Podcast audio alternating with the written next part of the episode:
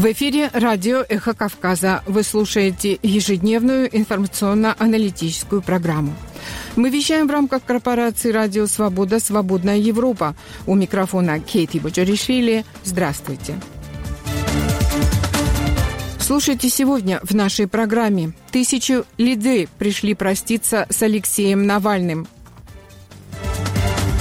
Власти Грузии инициируют принятие закона против ЛГБТ-пропаганды. В абхазском обществе не стихают споры о причинах массовой гибели птиц на морском побережье. Эти и другие материалы слушайте в ближайший час в прямом эфире или на нашем сайте эхокавказа.ком. А сейчас время международных новостей. О них расскажет Вадим Дубнов. В Москве прошли похороны оппозиционного политика, одного из главных оппонентов Владимира Путина Алексея Навального. О его смерти в колонии за полярным кругом власти сообщили 16 февраля. Соратники Навального считают, что он был убит. Отпевание Навального прошло в храме иконы Божьей Матери «Утоли моя печаль» в московском районе Марьино, где жил политик. Ровно в 16 часов по Москве прошли похороны на Борисовском кладбище. Оно расположено недалеко от храма на другом берегу реки Москвы. Проститься с Навальным пришли тысячи людей. Они скандировали «Нет войне, не не простим Навальный. А всем хочу сказать одно. Ничего не нужно бояться. Бояться можно только своего собственного страха. Пока.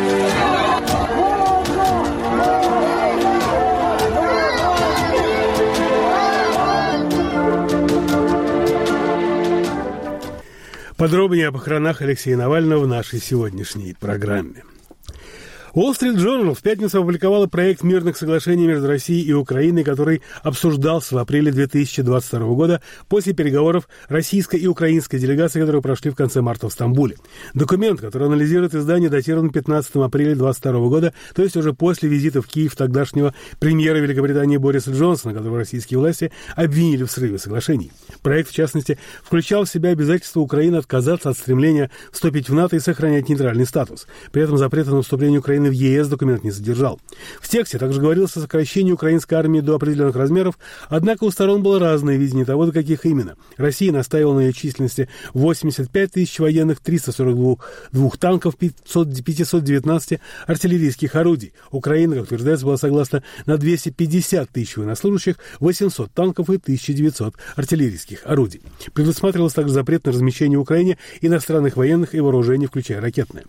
Документ предусматривал также сохранение сохранения аннексированного Крыма под российским контролем без формального отказа от суверенитета над ним со стороны Украины. Будущее же частей Донецкой и Луганской областей, находившихся под российским контролем до 24 февраля 2022 года, должно было быть определено в ходе переговоров президента двух стран. О статусе других оккупированных Россией территорий в документе не говорилось. Ранее неоднократно утверждал, что предусматривался вывод российских войск оттуда и возврат территории под контроль Украины.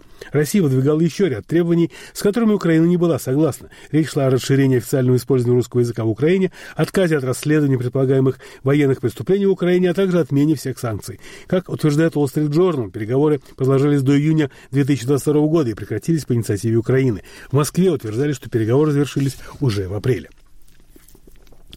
Россия готова передать Украине тела людей, погибших при крушении военно-транспортного самолета Ил-76 в Белгородской, области 24 января. Об этом уполномоченная по правам человека в России Татьяна Москалькова сообщила РИА Новости. Она добавила, что украинская сторона интересовалась возможностью передачи тел. По словам Москалькова, она находится в контакте с уполномоченным Верховной Рады Украины Дмитрием Лубенцом по делу о крушении военного самолета. Москалькова также заявила, что у российской стороны есть подтверждение и все ДНК, которые по заключению экспертизы позволяют провести провести идентификацию личности. Конец цитаты.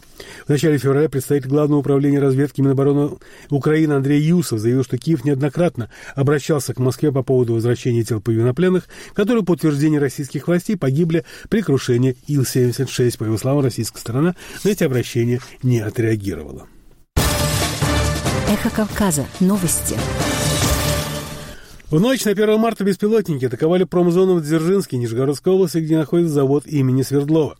О звуках взрывов и ярких вспышках в районе промзоны сначала сообщили в местных телеграм-каналах. Экстренные службы помчались в сторону завода имени Свердлова, дорогу предприятию закрыли. Писали в паблике «Мой Нижний Новгород», предполагая атаку беспилотников. Позже атаку подтвердил мэр Дзержинска Иван Носков и Минобороны России. Жертв и разрушений нет, на месте работают экстренные службы. Промышленные объекты функционируют в штатном режиме, написал Носков. По информации Минобороны России, в ночь на 1 марта над Нижегородской областью были перехвачены три дрона, еще один беспилотник уничтожен над Белгородской областью. Завод имени Свердлова является городообразующим предприятием Дзержинска.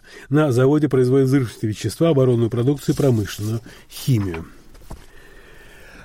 В Хельсинки в пятницу состоялась инаугурация нового президента Финляндии Александра Стубба. Он победил во втором туре выборов 11 февраля, набрав 51,6% голосов избирателей. С сегодняшнего дня он приступит к исполнению обязанностей главы государства. Александр Ступ принадлежит к правоцентристской национальной коалиционной партии. Ему 55 лет.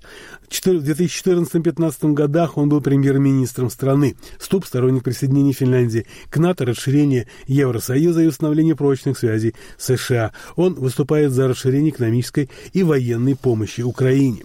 На пресс-конференции после подведения итога выборов Ступ заявил, что Хельсинки не будет вести политические отношения с Москвой до завершения войны в Украине.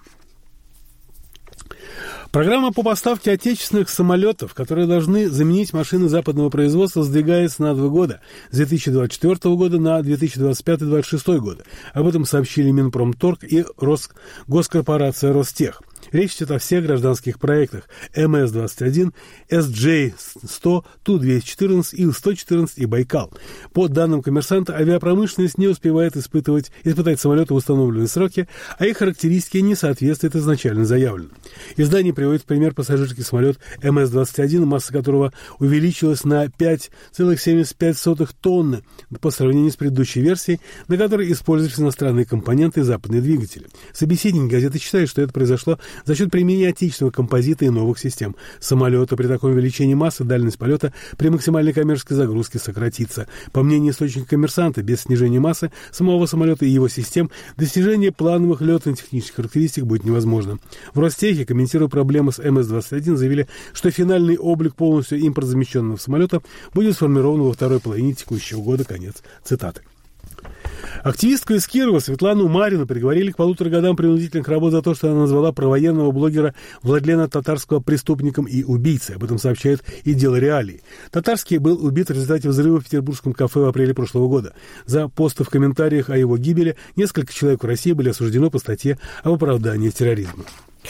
С международными новостями был Вадим Дубнов. Региональный выпуск в середине часа.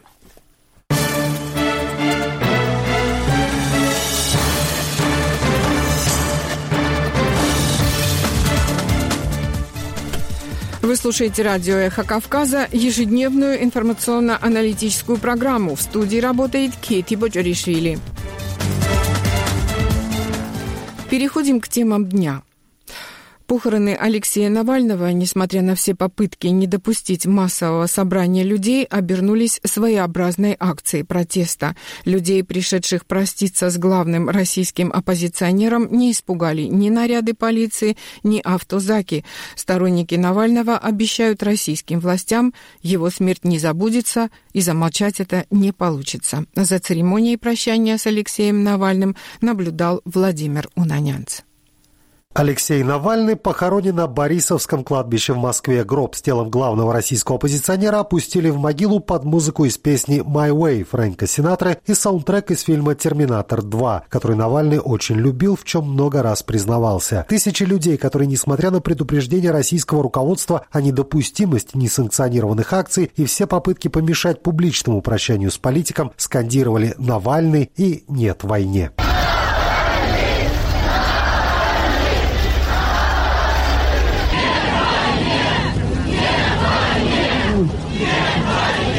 Сторонникам Алексея Навального, которых оказалось немало, не помешало прийти проститься с ним и сегодняшнее предупреждение Кремля. При этом пресс-секретарь российского президента Дмитрий Песков назвал многолюдное шествие сборищем. У нас есть, наверное, э, напоминание, что э, существует закон, его надо выполнять. Любые несанкционированные э, сборища, э, они будут ну, идти в нарушение закона. Соответственно, те, кто будет в них участвовать, э, будут нести ответственность, опять же, в соответствии с действующим законом. На вопрос о том, может ли Кремль дать оценку Навальному как политику в день его похорон, Песков ответил. Нет, не может. Как не могут в руководстве России обратиться с какими-нибудь словами к его семье? Э, нет, нечего сказать. Зато у сторонников оппозиционера оказалось, что сказать Кремлю. Люди, пришедшие на похороны, признаются, что, несмотря на атмосферу страха, не могли не отдать дань уважения человеку, который, по их словам, научил россиян не бояться. Мне на самом деле безумно приятно сейчас находиться в компании единомышленников. Здесь, не знаю, больше 10 тысяч людей, и никто не боится, и все знают, чего они хотят. Да и пришли мы, наверное, просто потому, что почтить память человека, которого также не боялся, не боялся ничего. Давление, наверное, чувствуется, но когда здесь столько людей, то, наверное, нет. Вместе не страшно. Говорит девушка по имени Камила. Из соображений безопасности многие из тех, кто пришел проститься с Навальным, не называют свои имена, но вместе с тем не скрывают того, что благодарны оппозиционеру за то, что он пробудил в них интерес к политике и научил смотреть на происходящее в России под другим углом. Потому что это человек, который когда-то заставил меня заинтересоваться политикой. Это человек, который, ну, типа, множество людей, в том числе и тех, кто сейчас стоит здесь, кто может прямо сейчас э, здесь оказаться в силу того, что в другом месте находится или занят. Но он вдохновил множество людей. Многим здесь важно просто увидеть людей, э, которые ну, согласны с тем, что произошедшее ужасно, и э, увидеть, что таких людей много. Проститься с Алексеем Навальным пришли оппозиционеры и представители дипломатического корпуса, в том числе послы США, Франции и Германии. Глава европейской политики Жозеп Борель в своем аккаунте в социальной сети X пообещал, что дело Навального будет жить. Сейчас проходят похороны Навального, и ЕС выражает соболезнования его семье и друзьям. Посол ЕС и другие дипломаты отдают ему дань памяти. То, во что верил, Навальный не исчезнет. Идеи нельзя пытать, отравлять, убивать. Он останется источником вдохновения для многих в России и за ее пределами. Не сумевшая приехать на похороны мужа Юлия Навальная опубликовала в своем инстаграме пост с прощальными словами, поблагодарив Алексея за 26 лет абсолютного счастья. Я не знаю, как жить без тебя, но я постараюсь так, чтобы ты там, наверху, радовался за меня и гордился мной. Я не знаю, справлюсь или нет, но я буду стараться. Мы обязательно встретимся однажды. У меня столько для тебя нерассказанных историй, и у меня столько для тебя сохраненных в телефоне песен, глупых и смешных, вообще, честно говоря, ужасных песен. Но они про нас. И я так хотела тебе дать их послушать. И так хотела смотреть, как ты их слушаешь, смеешься, а потом обнимаешь меня. Люблю тебя вечно. Покойся с миром. Сконцентрировавшиеся сначала у церкви, где проходила церемония отпевания оппозиционера, а затем у кладбища наряды полиции и вереница автозаков, недвусмысленное предупреждение пришедшим на похороны Навального россиянам. На любой протест власти готовы ответить арестами. Судя по распространенным кадрам, по меньшей мере несколько человек были задержаны, но люди не расходились. Потому что считаю должным э, всем, кто знал Алексея, прийти проститься. Я это воспринял как личную потерю очень тяжело их переживать. Мне кажется, никакой страх э, не, переборет а, горе от потери этого человека. Даже мне внутри себя это было необходимо. Я в том возрасте, в котором уже не страшно. Я не могла не прийти, потому что считаю, что э, я должна последнюю дань человеку отдать. Страшно было очень, и мы пораньше приехали, стояли и, ну, сказать, долго прятали свои цветы, камеры. А сейчас я понимаю, что надо это делать и говорить. Многие из пришедших проститься с Алексеем Навальным специально приехали для этого в Москву. Они считают, что в Кремле должны увидеть, что сторонников у погибшего оппозиционера гораздо больше, чем пытаются показать российские власти. Я приехал в Москву на похороны Алексея, проводить его в последний путь. Для меня это важно, для многих это важно. Поэтому я не видел других вариантов, как, как приехать на плохо. Я пришла, потому что для меня это единственная возможность попрощаться с Алексеем. Я восхищаюсь его мужеством, э, восхищаюсь его стойкостью. И, э, может быть, мне не удастся зайти, но хотя бы я часть своего сердца отдам, попрощаюсь, потому что я считаю, что это был человек номер один оппозиции, враг э, Путина. Почему его боятся даже мертвым, мне непонятно. У пришедших проститься с Алексеем Навальным есть свое послание Владимиру Путину. Пусть видят, что многие помнят, многие знают. Замолчать не получится. Владимир Унанянц для «Эхо Кавказа», Тбилиси. А планируем ли мы нападать на другие страны? Другие страны мы нападать не планируем. Мы на Украину не нападали. Киев атаковали в 4 утра. У кого-то такое чувство юмора, как в 1941 году. Достоверные новости, без пропаганды, каждый день на радио «Эхо Кавказа». «Эхо Кавказа». Накануне избирательной кампании в самопровозглашенной республике Южная Осетия оппозиционные ресурсы ополчились против председателя избиркома Эмилии Гагиевой.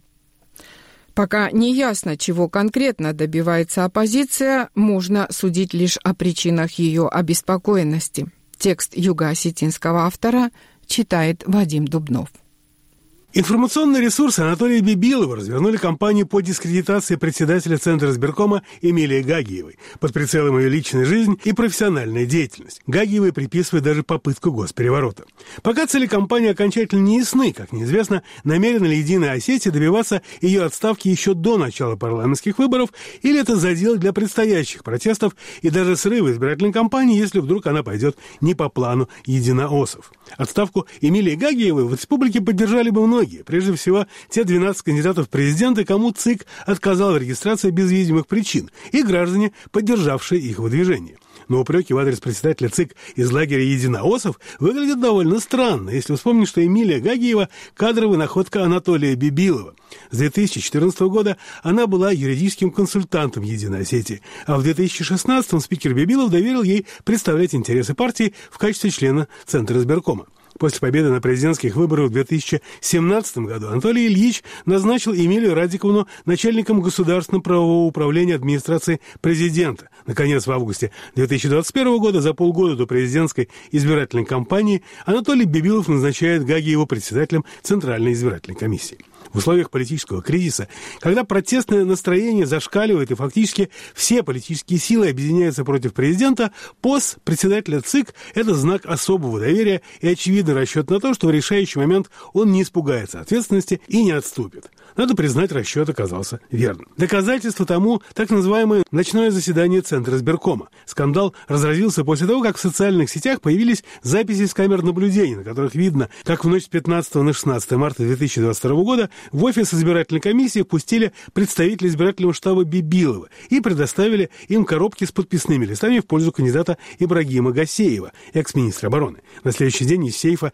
Эмилии Гагиева исчезли 42 подписных листа в пользу Гасеева, расследование которым занялось КГБ, зашло в тупик, и Ибрагима Гасеева к выборам не допустили. Громкий скандал не заставил Гагиева отступить, и к президентским выборам без видимых причин не допустили 12 из 17 кандидатов. После победы Гаглоева на выборах его соратники по избирательной кампании, среди которых были и недопущенные кандидаты, надеялись на расследование ночного заседания. Действия ЦИК подпадали под статью 141 УК РФ «Воспрепятствование осуществления избирательных прав или работе избирательных комиссий, совершенной с использованием служебного положения». Статья предполагает лишение свободы на срок до пяти лет. Но президент Гаглоев решил наградить сотрудников избирательной комиссии. Орденом дружбы награждены представитель ЦИК Эмилия Гагиева, секретарь комиссии Кристина Авлохова. Еще четырем сотрудникам ЦИК вручили почетные грамоты. На церемонии награждения Алан Гаглоев пояснил, Центральная избирательная комиссия работала честно и по закону. Хочу сказать большое спасибо всем сотрудникам ЦИК за проделанную работу и вручить заслуженные награды. После церемонии некоторые вспомнили весьма странное заседание ЦИК накануне выборов, рождавшее подозрение о договоренности Гаглоева с избирательной комиссией. Тогда доверенный человек Гаглоева в ЦИК голосовал против регистрации в качестве кандидата Давида Снакоева, казалось бы, соратника по оппозиционной борьбе. Зато бибиловские представители поддержали регистрацию Алана Гаглоева. Кроме того, и отстранение от выборов Ибрагима Гасеева и еще 11 кандидатов упростило задачу для Алана Гаглоева. Он претендовал на поддержку электората Эдуарда Кокоэта и, по слухам, даже Дзамбалата Тидеева. В этом смысле у президента Гаглоева не было личных причин для недовольства работой ЦИК. Очевидно, было желание оставить представителя Гагиева на должности и трезвый расчет. Отказываться от такого грозного оружия не было никакого смысла. Так что теперь пришла очередь Единой Осетии волноваться по поводу ее бойцовских качеств. Текст юго-осетинского автора читал Вадим Дубнов. Наше дело дрянь. Вот поэтому я не вижу никакого повода праздновать День Конституции. Грузинская православная церковь – средоточие крайнего традиционализма, человеконенавистничества, воровских понятий, коррупции и клановости. Эта история, начавшаяся как кампания в защиту Старого моста, уже давно о другом –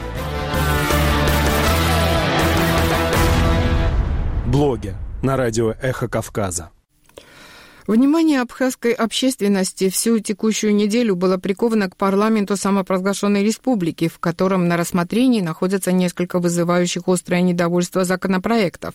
Оставался в информационной повестке и глава МИД Инал Ардзинба, который продолжает свою борьбу с международными организациями. И итоги недели подводит редактор абхазской нужной газеты Изида Чания.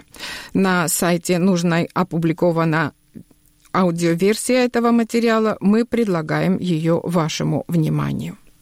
На нынешней неделе в центре внимания общественности была сессия парламента. В повестке дня значился вопрос о внесении поправок в статью Уголовного кодекса о клевете. Поправки, представленные прокуратурой, без сомнения, появились во исполнение указания главы государства, который умудрился публично призвать правоохранителей к борьбе с инакомыслием на отчетном заседании коллегии прокуратуры. Прокуратура решила облегчить себе данную задачу и получить право называть клеветой всю неугодную президенту и его окружению информацию, прозвучавшую как в социальной сети, так и в любом другом пространстве. Принятие поправок позволило бы прокуратуре возбуждать дела без заявлений униженных и оскорбленных на основании каких-то внутренних ощущений, наверное, генерального прокурора.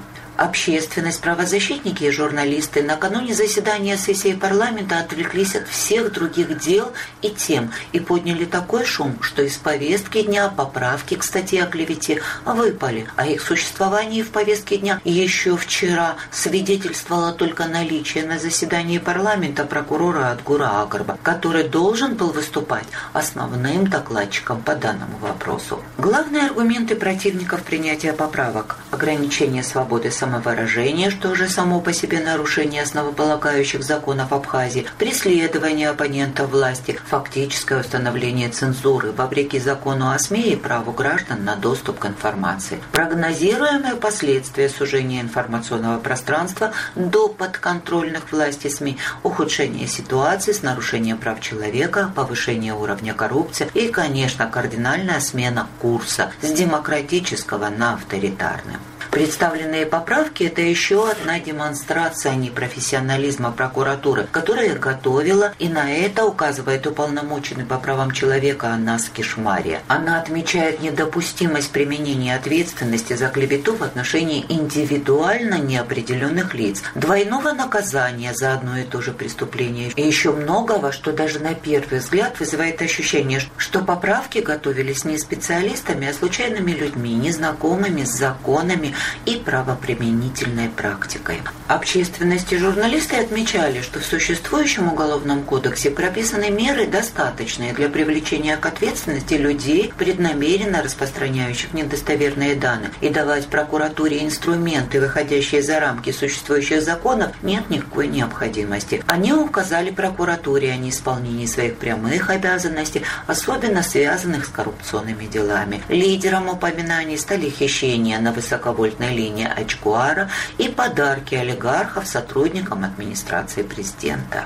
Однако выпадение поправок из повестки 28 февраля совсем не означает, что парламент не вернется к ним на следующем заседании, потому как никакой информации о том, что инициатива отозвана, или о том, что депутаты проголосовали против рассмотрения проекта, не прозвучало. То есть парламент не использовал прописанные в законодательстве механизмы, которые обязывали бы законодательный орган не возвращаться к этому вопросу хотя бы какое-то время. Поэтому надо ожидать, что после проведения разъяснительной работы с депутатами, выражающими несогласие с принятием поправок и доведения их численности до большинства, поправки вернутся в повестку дня. Еще одним поводом для общенародного торжества стало решение парламента внести изменения в закон о международных договорах. Парламент обязал президента, правительство и Министерство иностранных дел предоставлять на ознакомление депутатам за 10 дней до подписания все международные договоры, которые подлежат и не подлежат ратификации парламента. Я согласна с теми, кто считает, что таким образом депутаты выразили недоверие исполнительной власти, кулуарные решения, которые не раз становились поводом для общественной напряженности. Но это только одна сторона вопроса, потому как никаких ограничений для исполнительной власти данная норма не содержит. Депутаты могут только знакомиться с международными документами и при желании предать их огласке. Все это больше похоже на попытку парламента реабилитироваться после позорной ночной ратификации о передаче в собственность России госдачи в Пицунде. Но даже при всем при этом констатация факта недоверия президенту и правительству вызвала шок у некоторых депутатов. И они стали публично заверять общественность, что ни о каком недоверии Аслану Бжане речи не идет. Привлекло внимание забавное заявление депутата Эмурба, который посоветовал общественным и политическим деятелям вспомнить свое политическое прошлое. Это была цитата. Реакция социальных сетей не заставила себя ждать.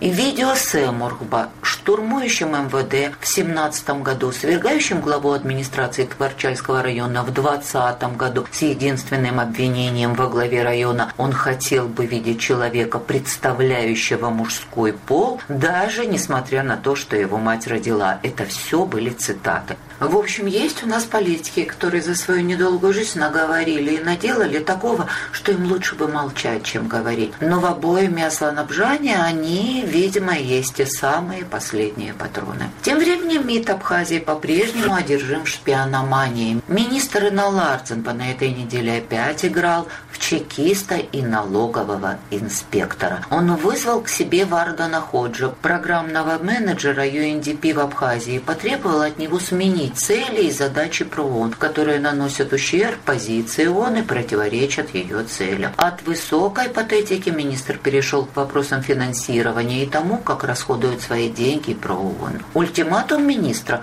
на официальном сайте ПРООН должны быть изменены цели проекта деоккупация Абхазии и противодействие противодействия пагубному влиянию Кремля и размещен список абхазских информационных ресурсов, финансируемых ПРООН с указанием целей и задач и объемов их финансирования. Срок до 7 марта, после чего МИД Абхазии предпримет современные и адекватные меры реагирования. И надеюсь, что если это случится, Инна Арценба принесет мне из Зидичане и другим моим коллегам свои личные извинения. Здесь бы следовало поставить улыбающийся смайлик, потому как ничего не говорит о том, что у распоясавшегося министра есть манера признавать свою неправоту. Ну да бог с ним, с министром. Чем занимался глава государства на этой неделе? Аслан Джани использовал свое пребывание в нашей стране для приема глав администрации районов. Они ему отчитывались о потрясающих успехах, перевыполнении планов и грандиозных мечтах о будущем. Каждый по отдельности. Но главы администрации заканчиваются, а времени до выборов еще много. А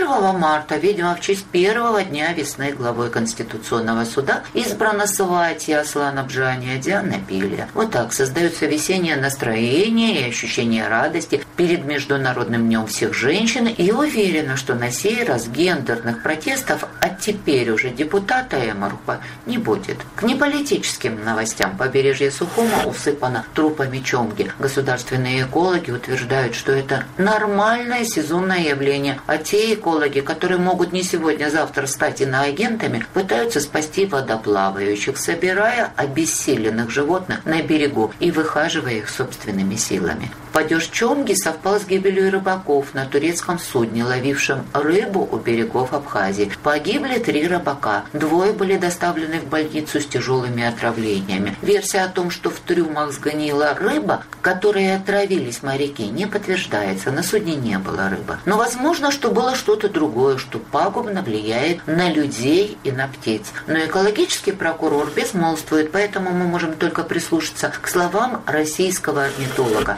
Александра Дворецкого, который предположил, что массовая гибель чонги на Сухомском побережье может быть вызвана токсином, поражающим центральную нервную систему. Это, это была э, редактор нужной газеты Изида Чания. Аудиоматериал был взят э, из самой газеты.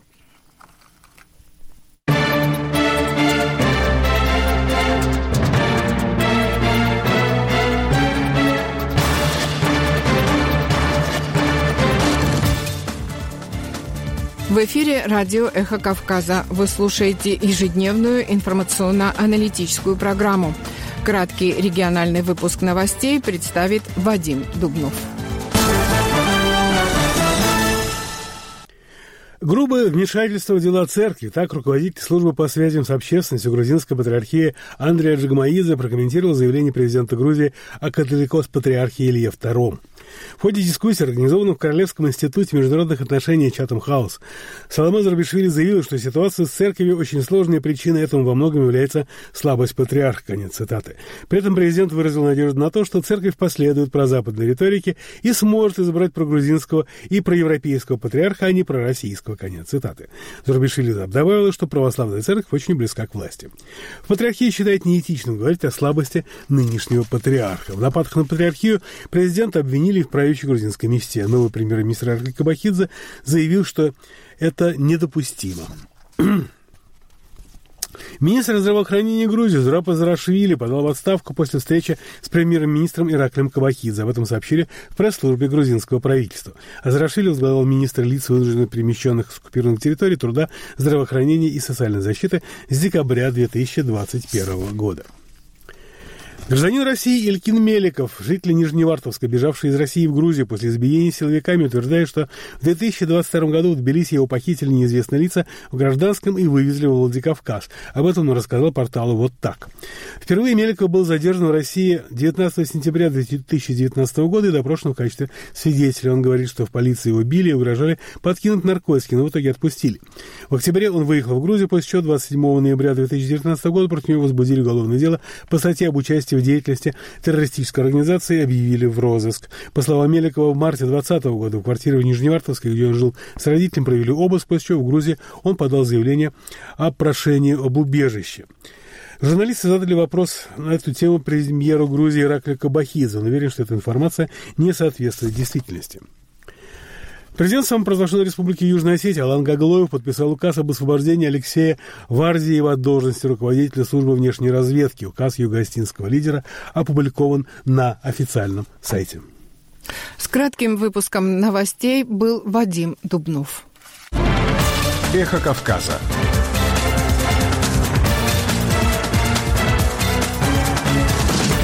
Репортажи, экспертные оценки – социальные и культурные новости.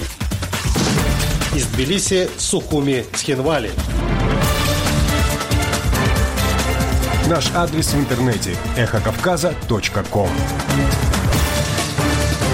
Эхо Кавказа. Нечистоплотным предвыборным пиар-шагом, ставящим под удар права человека в стране, назвали оппоненты власти ее новую инициативу принять закон против ЛГБТ-пропаганды и псевдолиберальных ценностей. Об этом решении Политсовета грузинской мечты накануне сообщил лидер парламентского большинства Мамукам Динарадзе. А сегодня он уже обвинил в ЛГБТ-пропаганде всех критиков инициативы из оппозиции и гражданского сектора. Чем мечта аргументирует выдвижение законопроекта, какие ассоциации он вызывает и в чем его опасность, разбиралась Мзия Парисишвили.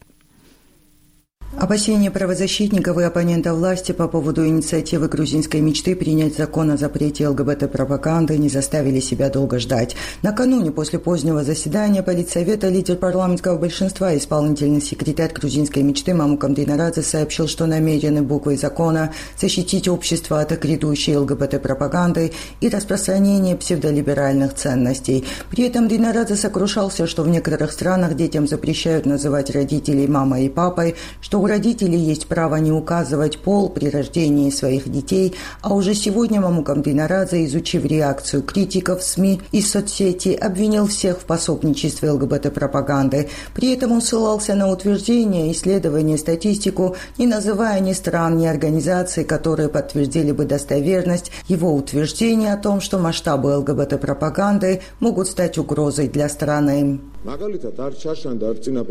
В прошлом и позапрошлом году в официальных структурах, я имею в виду наших дружественных стран, не были учтены оговорки на запрет использования таких слов, как мама и папа, дочь, сын и так далее. А теперь они появились. Наводящим тревогу всем заботливым родителям голосом Динарадзе продолжал утверждать, что намерены принципиально защитить будущее поколение от вредных влияний. Динарадзе отметал все критические вопросы журналистов о том, что не обернется ли эта инициатива ограничением правах человека или же историей, как это было в случае с попыткой принять закон, аналогичный российскому, об иноагентах, и не повредит ли этот будущий закон процессу начала диалога с Брюсселем о вхождении Грузии в Евросоюз, как это предположили накануне часть правозащитников и оппозиционеров. Тинарадзе взыграл на патриотические чувства с пафосом.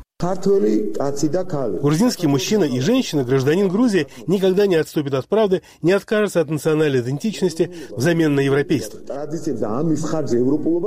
Опасения парламентского большинства уже успел разделить премьер-министр Агли Кубахидзе, пообещав содействие правительства в случае необходимости. Но главное отметил, что законопроект должен быть составлен с учетом всех конституционных норм о защите прав человека. Этого обещал и депутат Силы народа из парламентского большинства Гурама Чарашвили, один из авторов и инициаторов еще одного скандального законопроекта об иноагентах, вызвавших в марте прошлого года масштабные акции протеста. На этот раз депутат депутат Мачарашвили, прославившийся как один из ярых антизападников, такой протестной волны не ждет.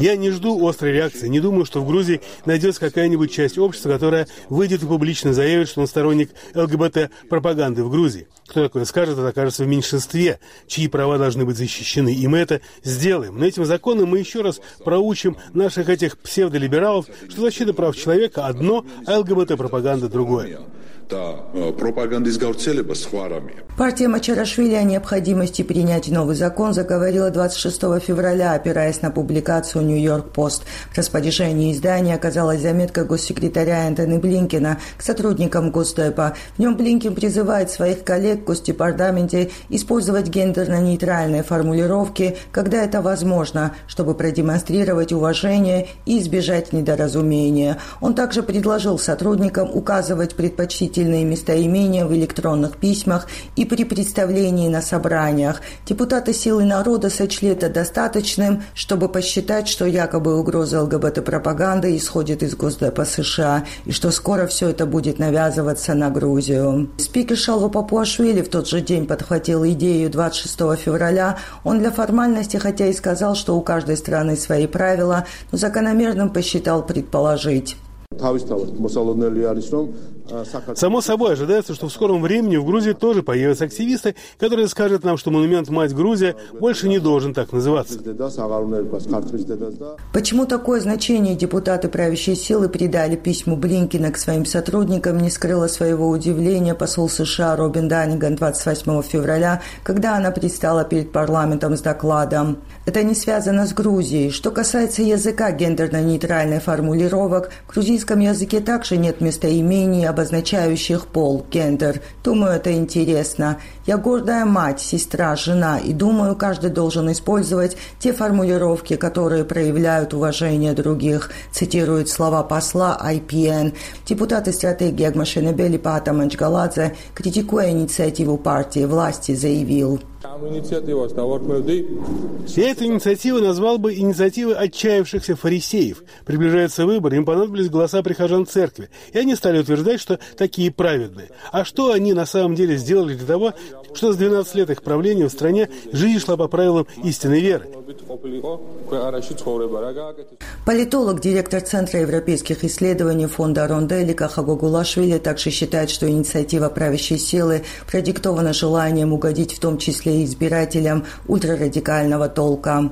Ну, абсолютно, абсолютно, я бы сказал, абсурд это вообще в Грузии вот э, принимать закон о запрещении там пропаганды. Как будто бы ЛГБТ-активисты у нас вот прямо лезут в семьи и угрожают испортить всех детей и тому подобное. Это все надуманные, конечно, какие-то проблемы. Но с помощью этих надуманных проблем они создают себе потенциальных сторонников. Выполнение девяти рекомендаций Евросоюза и все вопросы евроинтеграции властям нужны настолько, насколько они помогут им остаться у власти, продолжает Гугулашвили, напоминая, что 85% населения за евроинтеграцию столько же считает себя частью православной церкви. Но в то же время они хотят интегрироваться есть, э, на своих условиях. На условиях, что они не уступят там грузинскую мораль э, ни в коем случае и наши традиции не будут забыты и тому подобное. Э, как будто бы в Европейском Союзе только над теми работают, чтобы уничтожить традиции малых народов, малых государств, такие как Грузия, и как будто бы Европейский Союз создает какую-то угрозу. Возмущается Каха Гугулашвили. Грузинская мечта, новый законопроект о запрете ЛГБТ-пропаганды собирается инициировать в парламенте через две недели. Зия Парисишвили, Эхо Кавказа, Тбилиси. Антинациональные и антигосударственные заявления некоторых отдельных членов правящей партии вызывают растерянность в электорате внутри страны и вводят в заблуждение политиков за ее пределами, сказал на днях в интервью одному из оппозиционных телеканалов глава аналитического центра Geocase адвокат Виктор Рипиани, в недавнем прошлом представлявший интересы экс-премьера Бедины Иванишвили в споре со швейцарским банком Credit Suisse. Сегодня в рубрике «Гость недели» мы попросили Виктора Репьяни раскрыть смысл этих заявлений. Батно Виктор, два дня назад в титрах, когда выдавали интервью ТВ Первели, э, был заголовок «Бывший адвокат Бедины Иванишвили открыл огонь по грузинской мечте». Хочу спросить, вот прямо вот так, черным по белому, огонь и по грузинской мечте – знаете, мой ответ на этот вопрос очень коротко и очень конкретен. Это была чистая манипуляция со стороны конкретных журналистов. Поэтому даже комментировать по этому поводу нечего, потому что никаких оснований для такой искаженной интерпретации. Это была интерпретация со стороны медиа, с моей стороны такой предпосылки, такого основания абсолютно нет.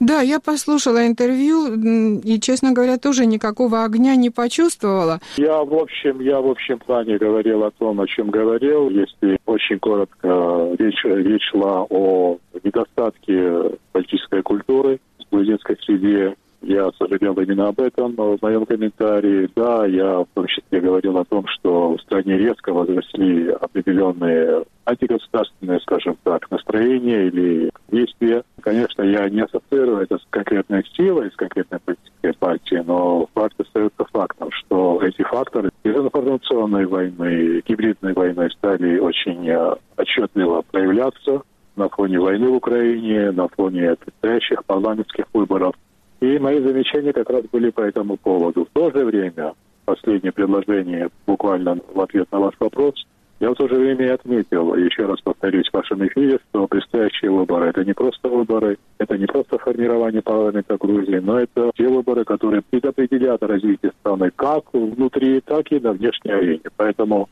эти выборы принципиального значения. Я выразил свое согласие, скажем так, с заявлением президента Грузии, госпожой Соломы Зурабишвили, которая тоже мысль озвучила отношение к выборам. Вы предвосхитили несколько моих вопросов, поэтому я позволю себе поставить их более конкретно. А, вы сказали, что некоторые заявления отдельных политиков грузинской мечты вносят сумятицу и растерянность в электорате внутри государства и у политиков за его пределами, если я правильно поняла, что эти заявления бывают антинациональными и антигосударственными. А, кого вы имели в виду и какие это заявления? Можно конкретизировать? Я, я еще раз э, повторюсь, и спасибо, что вы мне напомнили. Вот в ответ на вопрос э, журналиста, является ли это политикой рублевской мечты, конечно, у меня абсолютно никаких оснований нет э, утверждать, что это, скажем так, политика, именно четкая политика рублевской мечты. Хотя, да, я посетовал, скажем так, на определенные высказывания, определенные замечания, определенные комментарии отдельных членов партии рублевской мечты, которые всегда оставляют желать лучшего. Желают оставлять лучшего в плане чего? Что в отношениях с нашими партнерами, да и в отношениях с электоратом, конечно, было бы желательно, чтобы отдельные замечания, отдельные высказывания были бы, скажем так, притык к декларированному внешнеполитическому курсу страны. Вот, наверное, так можно обозначить мой ответ, потому что определенная интерпретация, определенные действия или определенные комментарии еще раз э, вызывают разнобой, скажем так, между официальной декларированной политикой грузинской мечты и конкретными заявлениями отдельных лиц. Что касается имен и фамилий, я думаю, что это сейчас не самое важное – Самое важное то, что свою коммуникационную политику грузинская мечта привела бы в должное соответствие с действующей Конституцией Грузии и настроениями, преобладающими настроениями в грузинском обществе. Наверное, это самое главное. Батну Виктор, вы публичный человек, не будете, наверное, от этого отказываться. Вы себя больше позиционируете как э, юриста или человека ярко выраженных политических взглядов? Я себя позиционирую как гражданина этой страны, для которого не безразлично настоящее этой страны и будущее. Я не думаю, что я что-нибудь, так сказать, особенное говорю в этом плане. Это позиция многих-многих наших сограждан, к счастью.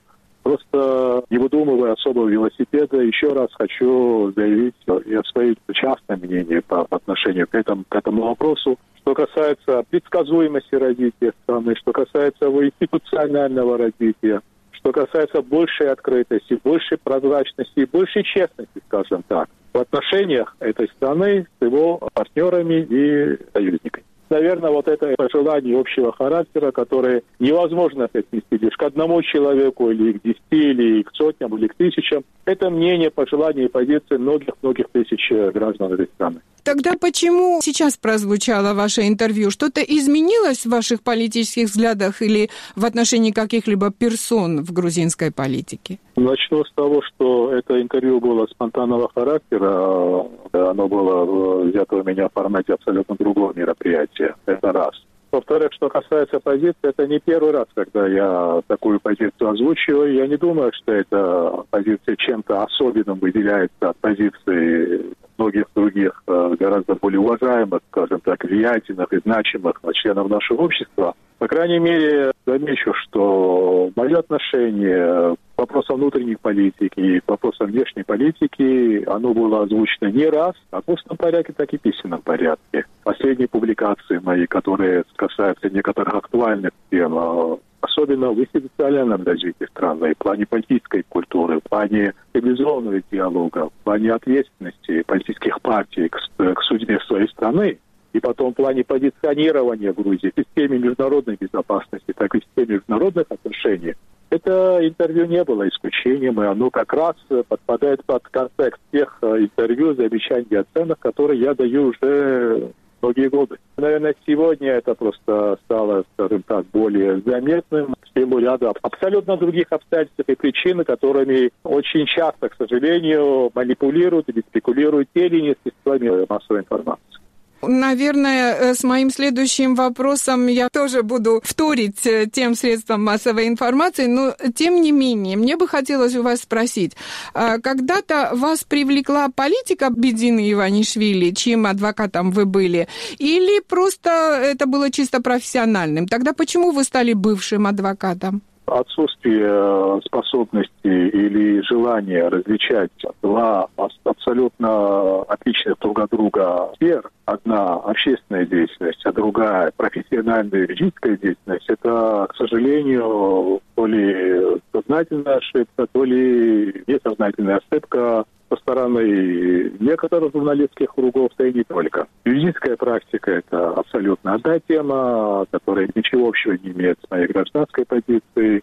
Я представлял не личного адвоката господина Иванишвили, я представлял ту фирму, у которой были контрактные, договорные обязательства и отношения с господином Иванишвили. Это следует очень конкретно подчеркнуть. Хотя фактом является то, что в основном позицию по тому известному спору и правовым вопросам озвучивал я. Наверное, возникло такое впечатление, что я был личным адвокатом. Да, в каком-то понимании так оно и было. Я был основным контактным лицом с господином Иванишвили, я был основным контактным лицом с грузинским обществом, да не только. Но еще раз повторюсь, раз мы действуем сейчас по, скажем, духу и букве не только этикета, но и регуляции, Договорные отношения с господином Иванишвили были у конкретной фирмы. Я не раз отметил в грузинской медиа, для нас это были крайне интересные отношения, для меня лично, и в профессиональном э, понимании, и в личном понимании. Это были довольно комплексные отношения, потому что господин Иванишвили – это очень интересный человек, интересная личность. Эти отношения не всегда давались легко, потому что сама тема и характер, так сказать, э, того спора предопределял сложные моменты. И это абсолютно нормальный, естественный рабочий процесс. Что касается того, что сегодня мы не являемся более юридическими советниками, опять повторюсь то, что я заметил, в одном из моих интервью есть такое положение, клиент всегда прав. Я лично, конечно, с этим заявлением не согласен, но в то же время мы, как юридическая фирма, с абсолютным пониманием отнеслись к решению клиента, нашего бывшего клиента, в одностороннем порядке расторгнуть наши договорные отношения. Что касается более конкретных комментариев, более конкретных, ну, скажем так, предпосылок или предположений о мотивации, и здесь, наверное, стоит подчеркнуть эксклюзивную роль и привилегию клиента, мы, исходя из э, норм профессиональной этики, исходя из норм личных отношений, конечно, комментировать наперед ничего не будем. Вернемся к выборам. Насколько осуществима вот эта, прямо скажем, мечта провести их более или менее свободными? У вас есть надежда? Вот пусть даже как гражданина, как вы сказали. Знаете, есть формальная составляющая, и мы просто обязаны провести эти выборы в надлежащей обстановке. Нашему слушателю известно о тех девяти положениях, исполнение которых должны послужить предпосылкой для открытия переговорного процесса о членстве Грузии в Евросоюз. Не умаляя значения ни одного из этих положений, условий, конечно, проведение выборов является, позволю себе заметить, самым важным, самым значимым условием. Так что это формальная составляющая, которая не оставляет нам какой-либо другой альтернативы в плане подхода или метода проведения выборов. Что касается моего личного отношения, вот вы упомянули, есть ли у вас надежда. Ну, надежда, скажем так, в пределах разумного оптимизма или умеренного оптимизма, потому что та проблематика, которая сопутствует грузинской политической жизни, политическому процессу со, со всеми изъянами и со всеми противоречиями, конечно, у меня лично ожидание особого оптимизма в этом плане не оставляет. Но я очень надеюсь и хотел бы надеяться, что правящая партия, которая прежде всего ответственна за политический процесс, да и оппозиционные партии, которые не менее ответственны за правильное проведение выборов и за политическое будущее этой страны, и за политическое и геополитическое будущее, они должным образом воспримут э, вот ту формальную обязанность, о которой мы говорили, и притворят ее практическую плоскость. Ваши заявления, когда вы говорите, что выборы во многом определят э, на последующие годы внутреннюю и внешнюю политику, больше адресованы власти, оппозиции или электорату? скажем, там флангом, потому что начнем э, такого утверждения, наверное, для кого-то более теоретического характера, но политический процесс – это не только участие правящей партии, но это и участие, соучастие оппозиционного флага. Это один неделимый э, процесс, в котором каждый стейкхолдер, каждый участник имеет свою долю ответственности. Хотя говорить о равномерном распределении обязанностей, конечно, было бы неправильно было бы в корне неверно. Основная ответственность лежит на правящую партию, как на главного политически ответственного лица за правильное проведение выборов. Здесь, конечно, так сказать, умолять кавычках или без кавычек значимость правящей партии было бы нецелесообразно. Но притык этой ответственности, к этой, к этой роли свою долю ответственности имеют оппозиционные партии, но самое главное, свою значимую долю ответственности имеет грузинское общество, которое должно стать на должный уровень высоты, скажем так, в плане качества выбора и в плане обеспечения того качественного выбора, которое, я надеюсь, общество будет в состоянии сделать, несмотря на существующую конъюнктуру. Бадно, Виктор, многие СМИ провели параллели между вашей позицией и позицией президента э, Саломе Зурабишвили. Почему? Откуда это? И еще, вы видите место президента в грузинской политике э, после окончания ее срока? Начну с того, что имею, скажем так, личное удовольствие и привилегию быть знакомым с госпожой Зурабишвили ценю ее вклад в развитие этой страны, становление этой страны, ценю ее деятельность на дипломатической арене, несмотря на суженные правомочия президента Грузии по действующей конституционной модели, эта роль, скажем так, неписанного характера или морального, или этического характера, этического характера, она крайне важна и крайне значима не только внутри страны, но и во внешних отношениях. Теперь э, касательно конкретного вашего вопроса, на этот счет, конечно, мне трудно говорить о конкретных намерениях госпожи Зурабишвили. Насколько я помню, если мне память не изменяет, пару раз она отвечала на вопрос о досрочном прекращении президентских полномочий и ее непосредственном вовлечении в избирательную кампанию, на что еще раз повторюсь, если я правильно помню, ее ответ был отрицательным. Что касается планов госпожи президента после истечения срока президентских полномочий, на этот счет мы ответного, конкретного ответа или конкретных предположений с ее стороны, по крайней мере, в открытом медиапространстве пока еще не слышали. Когда вы перестали работать э, с Бединой Иванишвили, высказывалось предположение, что вы можете пойти в политику. Вы будете продолжать свою профессиональную деятельность. Вы никогда не думали уйти в политику? Отвечу вам без красного столбца. Я не то, что собираюсь в политику, я нахожусь в политике. Я был в политике до того, как э, наша фирма, повторюсь, была нанята господином Абанишвили. Просто мы должны различать, наверное, две вещи. Быть в политике, будучи членом этого общества и гражданином, и реализуя те политические права и свободы, которые даны нам всем по Конституции, в то же время зафиксирует свою общественную позицию и делясь своими суждениями, как в письменном виде, так и в устном виде с грузинским, и не только с грузинским обществом. Все это для меня как раз является концептуальным понятием быть в политике. Наверное, другой вопрос, другого характера насчет партийной политики. На данный момент таких намерений, планов у меня нет – Хотя я один раз полушутку, полусерьез сказал, никогда не говори никогда. И, конечно, сейчас зарекаться на то, что будет через несколько лет, через пять или десять лет, просто было бы несерьезно. Гостем недели был глава аналитического центра GeoCase, адвокат Виктор Пьяни. Гость недели. Тот, кто не хочет сдаваться, обрекает свой народ на страдания, призывает Украину к смирению российский политик Григорий Явлинский, будто исполняя ту роль, с которой не справился американский журналист Такер Карлсон. Реплика Вадима Дубнова в рубрике «Короче говоря». Короче говоря, Украину снова призывают смириться. Два года войны. Прекратите!» – возвал Григорий Явлинский, который это делает по февралям к дате вторжения. Если ни в Украине, ни на Западе не смогут разглядеть шанс для хоть какого-то диалога, то впереди нас ждут еще более серьезные проблемы. Конец цитаты. В общем, услышьте Такера Карлсона так, как услышал его я.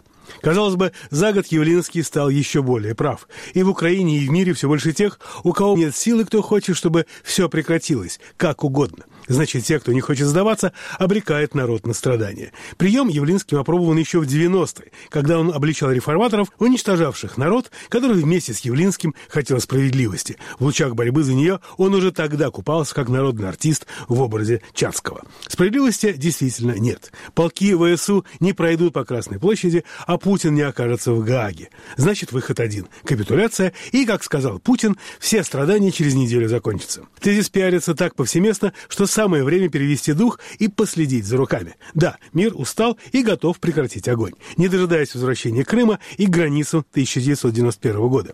Мир хранит былые приличия и публично отрекается от Макрона.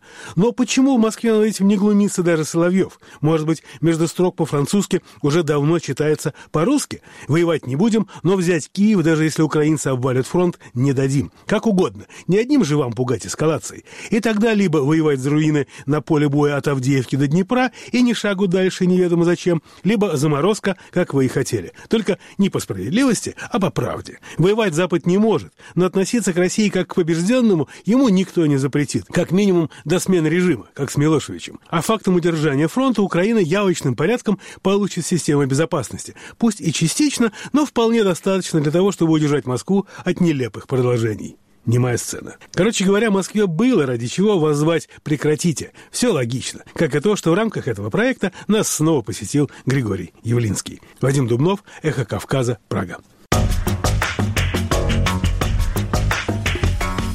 Вы слушали информационно-аналитическую программу на радио «Эхо Кавказа».